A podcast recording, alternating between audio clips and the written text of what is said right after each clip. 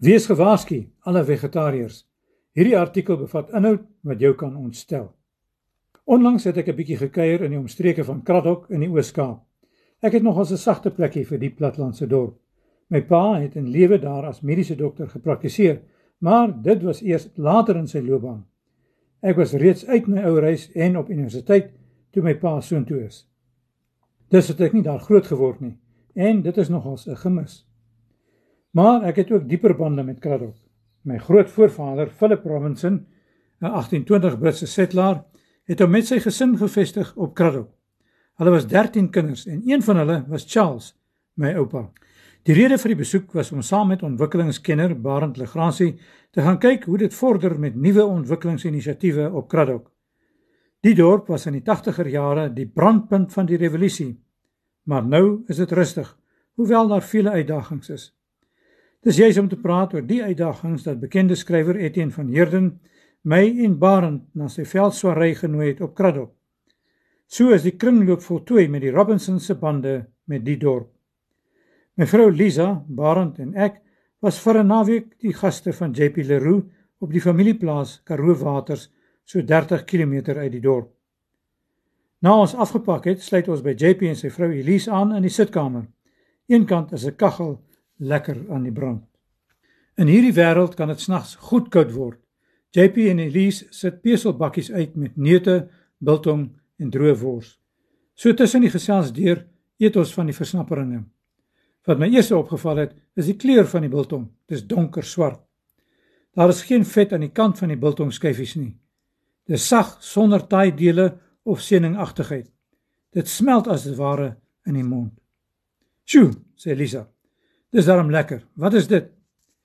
Dis biltong van die Japaneese beesras Wagyu, antwoord JP.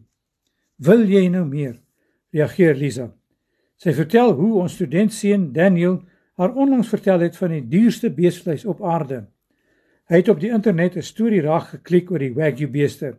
In Japan word die beeste glo gepamper lang soos jy nie kan glo nie. Elke bees kry individuele aandag en word byvoorbeeld gemasseer kry net die beste kos en word aan geen spanning blootgestel nie. JP vul aan dat daar vier verskillende teelrasse is wat oor seker 3000 jaar in Japan ontwikkel het.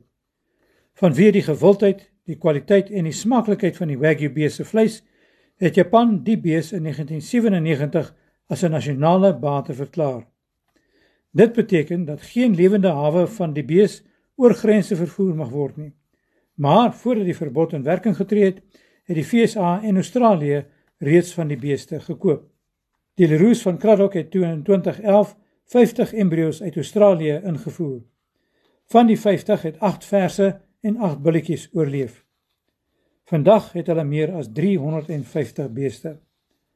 Ander boere het gevolg en na raming is daar nou sowat 120 boere in die land wat ook van die beeste besit. Almal is saamgegroepeer in 'n instansie wat na hulle belange omsien. Lees meer daaroor op die webblad www.kalaro.co.za.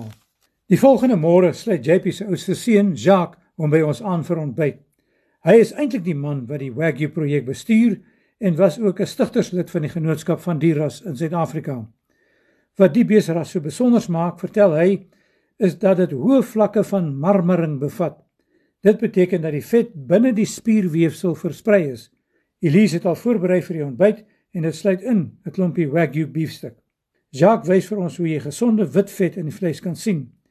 Die hoë vlakke van oleiensuur verklaar waarom gebraaide wagyu beefstuk 'n botterige smaak het. Die smeltvlak van die wagyu se vet binne die weefsel is laer as 37 grade Celsius. By ander rasse is dit hoër as 45 grade Celsius. 'n Mens beleef sommer gou die smeltsensasie van die beefstuk. En ja, vraggies. Dit is so lekker soos beweer word. Waarskynlik die lekkerste biefstuk wat ek al ooit geëet het. Die boerdery met wagyu beeste is voorwaar intensief. By geboorte word alle kalvers geweeg en ge-DNS. Wagyu kalvers, kommersieel en stoet, word dan geregistreer. Terwyl die kalvers groei, wy hulle in 'n kamp met malse groen gras. Hulle kry ook spesiale Karoo Waters veevoere. Jy kan meer daaroor lees by www.karoowaters.co.za en dit word op die plaas gemaak. Dis weg van die rasrige hoofweg.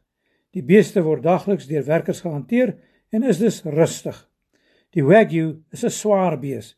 Hy word oor 'n langer tyd gevoer, so 32 maande. Die bees word elke dag 1 kg swaarder. Wagyu vleis in Suid-Afrika word volgens die Wagyu Genootskap se protokol gegradeer met behulp van 'n spesiale kamera. Die gradering word ook binne minute in Japan of Australië gedoen. Al die data word aangeteken as teelwaardes by die Wagyu Genootskap van Suid-Afrika. Boere kan dan byvoorbeeld internasionaal op die database nagaan watter teeldier geskik sal wees vir stoetteeling. Gewone beesrasse word so tussen 450 kg tot 550 kg geslag. By Wagyu beeste is dit tussen 700 tot 900 kg. Wat kommersiële beeste betref, word die primêre snitte gebruik. Wagyu boere en slagters gebruik meer as 16 snitte uit die karkas. Maar dis 'n duur storie as jy van die vleis by die slagter wil gaan koop. Dit sal jou meer as R1000 per kilogram vir prima snitte kos. Jacques sê hulle maak wins uit die boerdery met die Wagyu, maar dis nog vroeg daar. Hoewel hulle teikenmark die meer welgestelde verbruiker is, blyk dit dat die middelinkomste groep al hoe meer 'n smaak vir Wagyu begin ontwikkel. Die Leroux familie se doel is om kwaliteit vleis teen 'n billike prys op die verbruiker se tafel te plaas. Met die Wagyu beesras is hulle halfpad daar.